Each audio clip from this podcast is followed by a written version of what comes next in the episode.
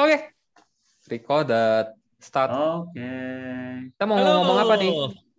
Selamat datang kembali di acara Dia Clueless. Kali ini kita nggak welcome to the metaverse, but we said welcome to MetaMask. Oke, jadi eh, punya selama ini kan kalau kita yang main kripto ya paling basic-basic itu at least kita punya akun centralized exchange atau checks bursanya lah ya gitu ya. Nah, indahnya dunia kripto ini nggak kayak exchange-exchange yang dulu, yang zaman dulu. Yang nggak zaman dulu sih, sampai sekarang exchange juga masih ada ya. Jadi kalau kita lihat di exchange saham, di exchange forex gitu kan, duit kita ya cuma bisa diparkir di exchange tersebut gitu. Jadi kalau misalnya kita sama sekuritas A, ya udah duit kita sama sekuritas A. Kita nggak bisa ke yang lain-lain. Dan di kripto ini dengan adanya blockchain uh, bisa pindah-pindahin. Jadi kita bisa mindahin tuh duit yang terparkir kita di exchange A, pindahin ke exchange B, atau bahkan kita pindahin ke wallet kita sendiri. Nah, wallet itu ada berbagai macam. Ada yang hot wallet, ada yang cold wallet. Jadi kalau di centralized exchange itu biasanya dapetnya hot wallet ya. Jadi uh, wallet yang istilahnya ya terkoneksi dengan internet gitu. Kalau cold wallet ya benar-benar nggak ada koneksi internet, dat mati. Jadi nggak ada yang bisa ganggu tuh saldo di dalam wallet itu gitu. Nah, hot wallet ini pun juga ada beberapa yang harus kita bagi gitu. Mungkin eh, kalau di checks itu centralized exchange di bursa itu walletnya itu disediakan oleh si penyelenggara bursa.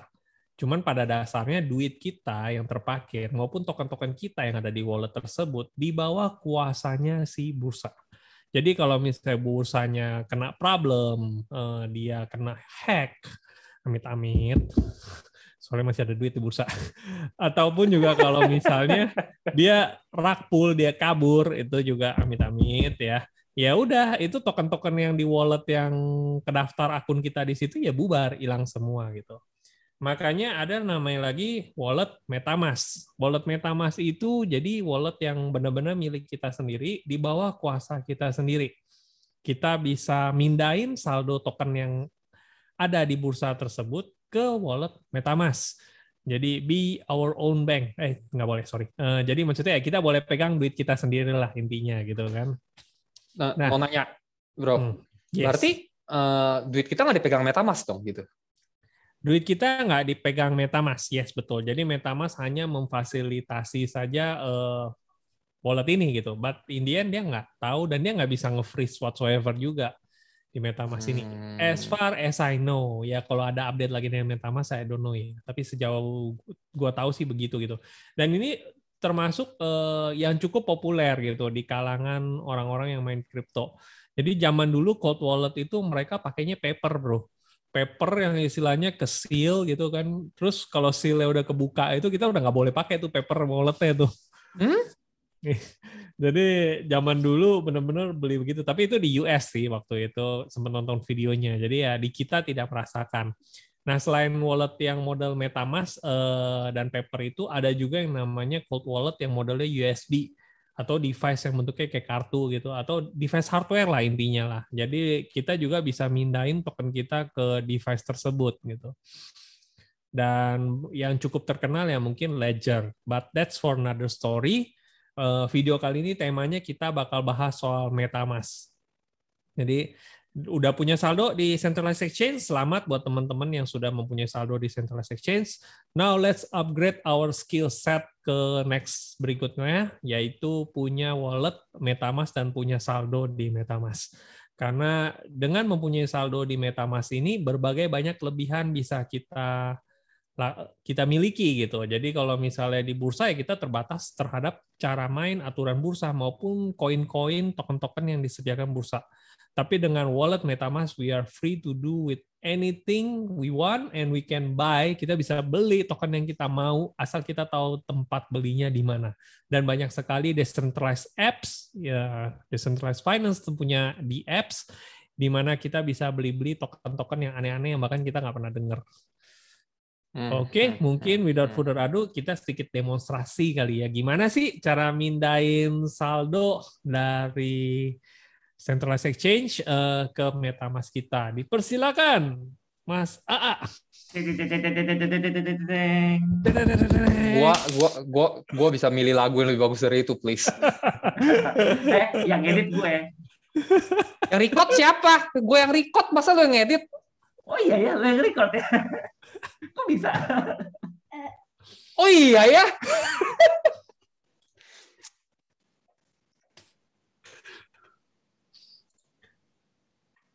Loh, udah belum sih?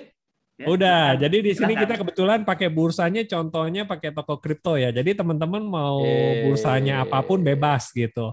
Dan e... biasanya setiap bursa itu ketika kita sudah punya akun, ada yang namanya dompet. Nah, Dompet ini. ini ada berbagai currency. Nah, di sini kita bisa lihat, di dompet ini kita bukan cuma bisa ngelihat saldo, tapi kita juga bisa nyetor token kita. Jadi misalnya gue punya token di Thrift gitu kan. Terus itu gue mau setor nih ke toko kripto. Bisa, tinggal pilih menu dompet setoran. Nah, sekarang kalau gue mau pindahin ke bursa lain atau mau pindahin ke MetaMask gue juga bisa. Tinggal meni, pilih menu dompet penarikan. Oke. Nah, di sebenarnya dompet uh, yang deposit sama penarikan ini kurang lebih tampilannya sama. Cuma yang harus diperhatikan penarikan ini kadang ditanyain kita mau narik kripto atau kita mau narik IDR. Kalau misalnya umumnya ya kita mau narik uang fiat kita IDR atau mau kita mau deposit uang kita ke bursa juga IDR. Makanya dia lihat tuh tambah rekeningnya ya rekening bank. Jadi sudah di custom made uh, dengan local taste lah ya, di custom made dengan selera Nusantara Indonesia kita ini gitu. Ngedit tunggu ini. Nama gue. Eh, kenapa? Ada oh iya, lu mesti edit. Ya udah balik ke withdraw, bro. nah, jadi uh, di Oke. Okay, Sekarang kalau misalnya kita cerita ya kita mau penarikan kripto nih penarikan kripto. Ya ya ya, oke oke, sorry sorry, lo harus kasih tahu gua. Nah, di kripto ini banyak token yang kita bisa tarik selama kita ada saldonya. Nah, kalau selama di ada saldonya, benar. Iya, jadi karena Woi, ngeledek lu ya, woi. Lu ngeledek gua. Enggak, ini aku demo, Bro. Tenang, tenang. Lu, lu lihat nih, gua ada 3 BTC nih, lu nyamain main lu. Oh iya iya. Yang kemarin 3 ETH yang gua kasih gimana? Hah? Udah udah udah kepake tuh buat bini gue ke Eropa. Wih, Ini gue gua, gua ganti jadi tiga BTC tuh, baca tuh, baca tuh, baca tuh. Nih nih nih, nih tuh lihat tuh. Oke oke lanjut lanjut lanjut masih. Oke, jadi uh, jadi koin itu kan macam-macam ya. Bitcoin ada, ada Ethereum juga gitu, ada Avalanche, ada Solana. Jadi banyak banget. Kita bisa ketik koin yang kita mau uh, tikernya apa gitu. Contoh kalau oh, misalnya BNB gitu kan, oh, tuh, Solana tuh dia ada keluar. BNB, BNB mah tadi nggak usah itu, scroll juga dapat B doang. Nah jadi hati-hati ya, ini BNB sama Wrap BNB itu dua token yang berbeda. Cuman but that's one other thing also. Jadi kalau misalnya kita punya saldonya BNB gitu, kita bisa pilih penarikannya BNB. Coba kita pilih BNB dulu. Nah, di sini kelihatan saldo kita. Kalau misalnya kita ada saldo, kita bisa narik. Nanti bakal ditanyain tuh pilih jaringan. Namanya token itu bisa ada di berbagai jaringan yang disupport tergantung tokennya. Kebetulan untuk yang saat ini BNB itu support Binance Change BP2, Binance Smart Chain BP20 dan Ethereum ERC20. Jadi kita juga bisa kirim eh, ke jaringan blockchain Ethereum ERC20 untuk token BNB ini. Cuman ya kalau lo kirim ke sana ya siap-siap aja gas fee-nya ya lumayan killing sih itu sih di RC20. Nah, eh, biasanya kalau ditanya lebih baik saya kirimnya pakai BP2 atau BP20. Sangat disarankan menggunakan BP20 karena itu yang paling terbaru. Ya banyak orang nyaranin gitu, tapi detail teknisnya gue juga belum pelajarin kenapa sih gitu. Nah, halo, halo. nah kalau kayak begini nggak ada isu nggak apa-apa. Berarti artinya memang lagi maintenance, which is ya kadang mesti nunggu. Apakah hal ini sering terjadi? Kadang terjadi. Kalau kayak terjadi ya udah nunggu aja. Biasa mereka juga ada ngumumin kok kalau misalnya masih belum bisa atau bisa chat juga sama supportnya. Ya udah, berarti sekarang kalau misalnya kayak begini kita lihat dulu MetaMask kita ya. Oh, gue pikir kita kontennya another day. itu kelihatan tuh receh yang baru nah, ditransfer tuh itu. Di oh. MetaMask itu kan ada kemarin eh, sempat bahas kan. Jadi kita harus pilih kita punya jaringan mau yang apa. Nah, kebetulan di sini udah disiapin namanya BSC Mainnet. Jadi Binance Smart Chain Mainnet.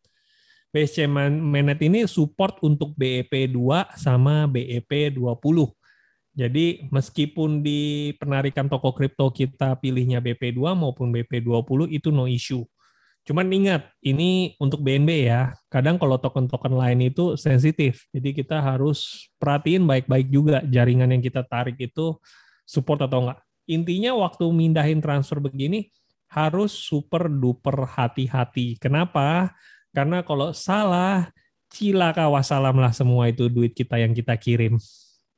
Jadi di saat ini ya kita bisa pilihnya Binance Change BP2 terlebih dahulu. By the way kayaknya bro mesti nyalain VPN ya. Makanya itu gue baru ngomong kalau gue nyalain Ya udah nggak apa-apa kita tes pakai Ethereum aja bro. Ethereum okay, okay. Ethereum mainnet aja. gue baru mau ngomong masa mesti ya. ulang. Ya, ya udah ini pilihnya uh, Ethereum aja kalau gitu. Oke. Okay. Ya udah, udah Ethereum tuh langsung nyambung. Nah, tapi tokennya lu pilih Ethereum dong. Token yang di toko kriptonya bro, tolong. Oke siap. Di sini TH.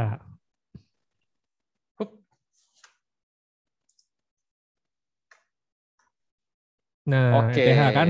Jadi dia oh ternyata Ethereum juga support tuh lo mau kirim ke BIP2 sama Binance Chain Smart Chain BP20 juga bisa. Usil dong klik Binance Smart Chain-nya, Bro, jaringannya. Wih, bisa berarti buat koin ini support. sih. sometimes things Dan lebih murah, jauh banget itunya.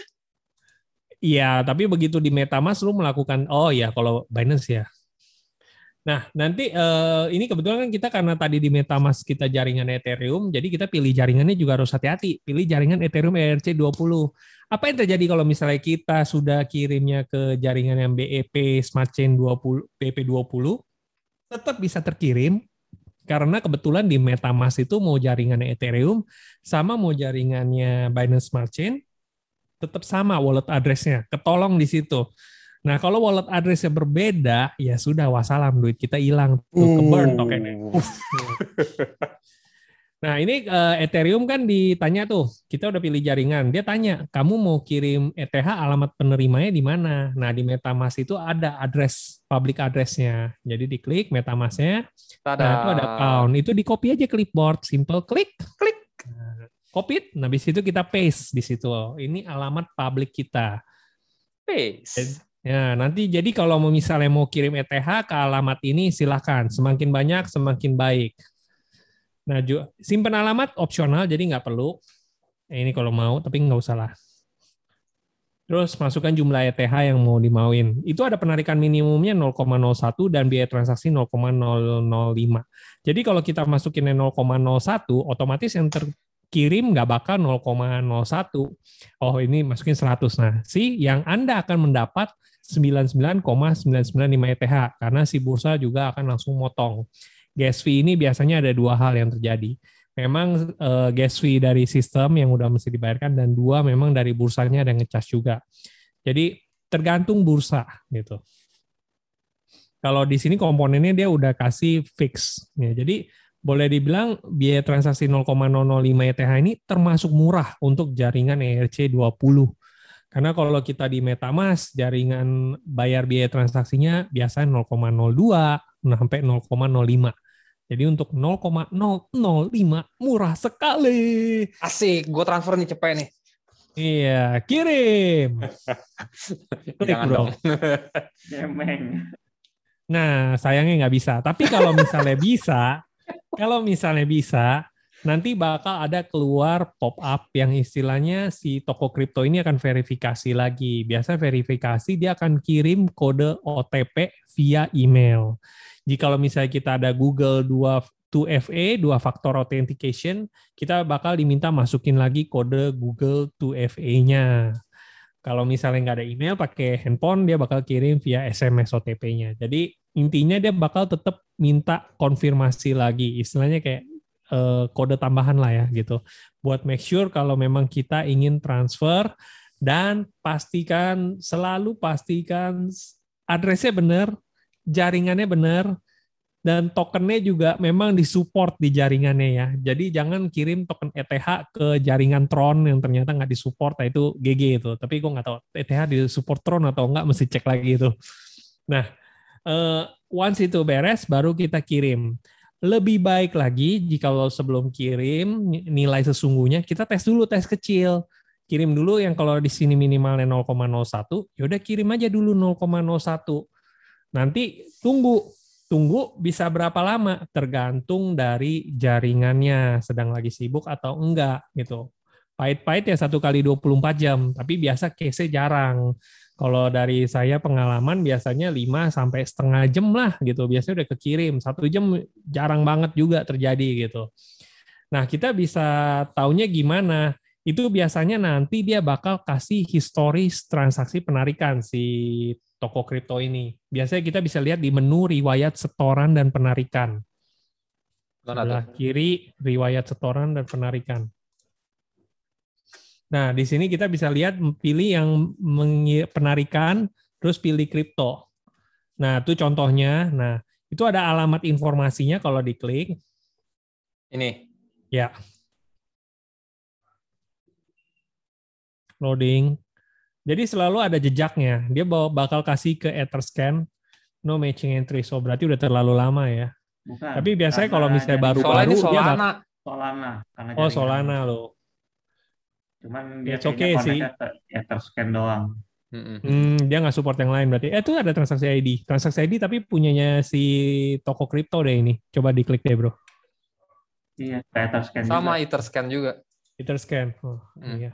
Ya udah oke. Okay. Tapi biasanya dia bakal ngasih lihat statusnya transaksi ini yang kita tarik sudah sampai sejauh mana gitu.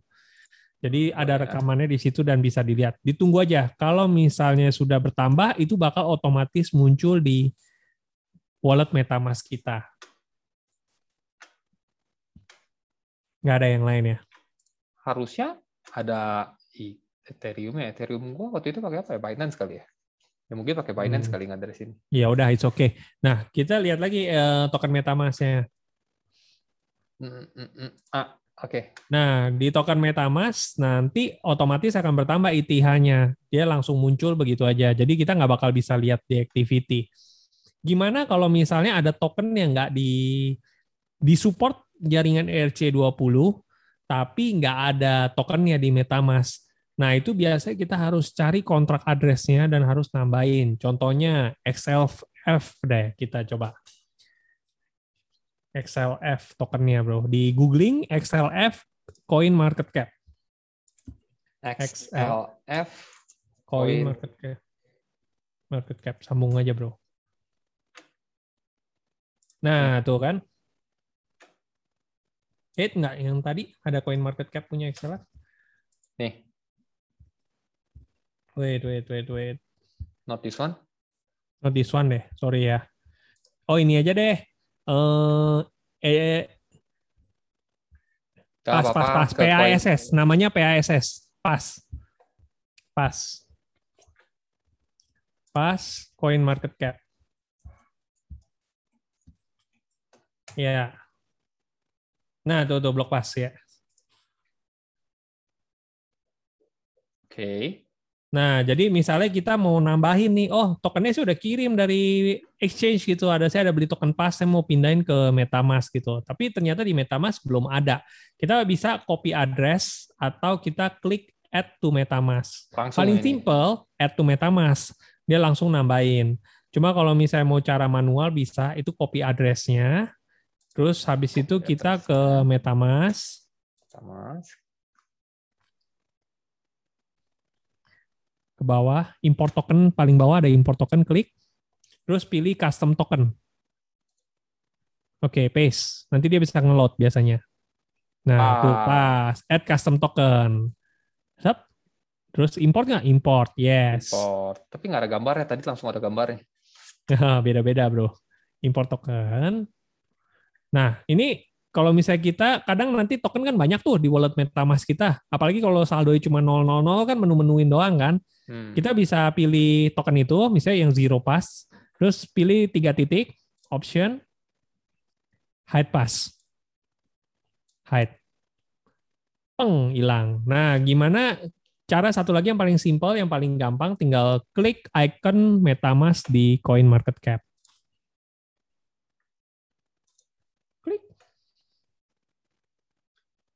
Nah, ini ada logo nih. Eh, token. Nah, lu nggak nggak muncul di rekaman layar lu. Tapi Oh. bia- karena dia pop up nggak, lu rekamnya cuma window ini doang kan. Hah, tadi tadi yang tadi juga dari tadi enggak dong? Hmm, yang tadi sih ada. Kalau yang masih dalam window ini ada. Kalau yang ini kan dia buka window baru lagi ya. Oh iya iya oke. Wait It's dulu. okay, it's okay. Tapi intinya sih nanti bakal ada window yang isinya lu mau Nah, add token jadi nggak? gini Nah, tuh. ini kayak begini nih, betul nih. Lu tinggal add token aja. Gitu deh. Nah, Ya. ini ada gambarnya tuh. Kalau Ya, tadi baru kelot. MetaMask. Ya. Jadi begitu caranya buat mindahin token. Nanti kalau misalnya mau balikin ke bursa lagi, gimana dari wallet MetaMask saya? Gampang. Di MetaMask ada yang namanya send. Klik send. Sendnya ke mana? Nah, kita balik ke toko kripto, masuk menu setoran. Setoran. Yes. Ganti. Terus ETH. Kita ceritanya mau setor token ETH. Pilih jaringannya. Kalau tadi kita pakai jari di jaringan saldo MetaMask-nya ETH-nya ada di jaringan Ethereum ERC20, pilih jaringan Ethereum ERC20. Di situ ada salin alamat, tinggal salin alamat di toko kripto ini. Terus sudah itu paste di nanti waktu di send. Send. Nah, send, send to paste. Space. Nah, ditanya aset yang mau dikirim apa ke wallet itu. Misalnya walletnya asetnya kita pilih ETH.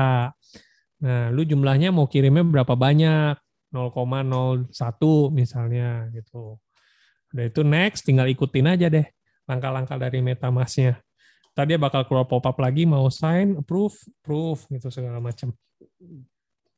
Tuh. Reject bro, reject. Itu gas fee-nya killing bro, itu 0,03. No, eh, 0,003.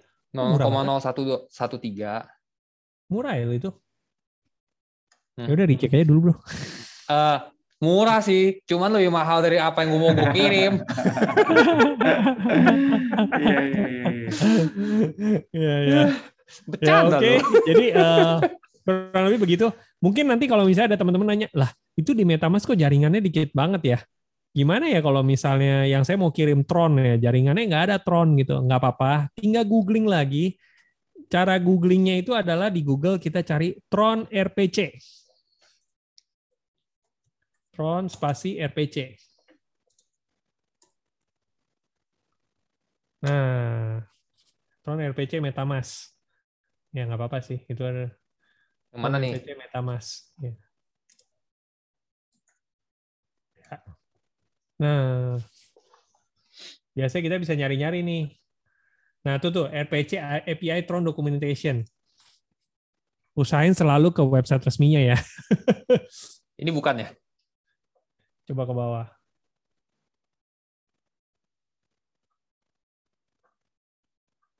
Oh, Sini kali RPC. RPC list, RPC list. Di bawahnya RPC API kan ada RPC list tuh. Ini ini. Hmm, nggak ada juga ya. Coba kalau BNB RPC-nya, BSC, BSC RPC, MetaMask, BSC depannya. Kayak kemarin Nah, di BSC RPC episode URL. BSC RPC URL. Nah, itu tuh ada tuh. Use MetaMask for Binance Chain. Klik. eh, eh, eh, Loading. Kayaknya ke tab baru ya itu ya. Loading juga. Oh iya, gue lupa lu Eh? mesti pakai ini. Kayak oh iya, kalau Mesti pakai VPN. It's okay, it's okay. tapi tapi Jadi tapi basically kemarin kalau kita udah kita, udah ada kan? udah Di udah ada. dua dua episode sebelumnya kita udah kasih tahu kalau yang BSC. Udah ya, gimana. udah kasih tahu ya. Ya udah basically nanti bisa nonton video itu. Tapi intinya kalau kita nggak ada jaringannya tinggal cari aja RPC URL-nya di Google banyak. Hanya pilih aja hati-hati ya tempatnya ya. Kalau Hmm. bisa dari tempat yang aslinya lebih bagus lagi gitu. Oke, paling sampai di sini saja tutorialnya. Semoga membantu. Kalau misalnya ada yang nggak mudeng, eh, bisa di komen juga. Kita akan nggak tahu ya. Kalau kalau sempat ya di, kita jawab deh. By the way, ada yang mau ditanya? Ada. Gimana caranya saldo ETH gua nggak cuma 0,000 sekian? Masuk ke Rinkebi.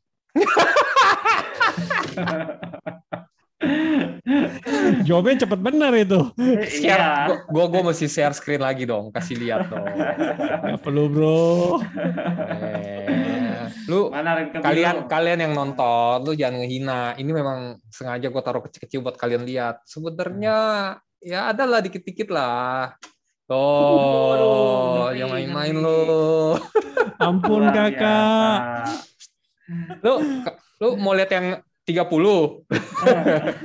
Ntar gue minta dulu sama developer gua.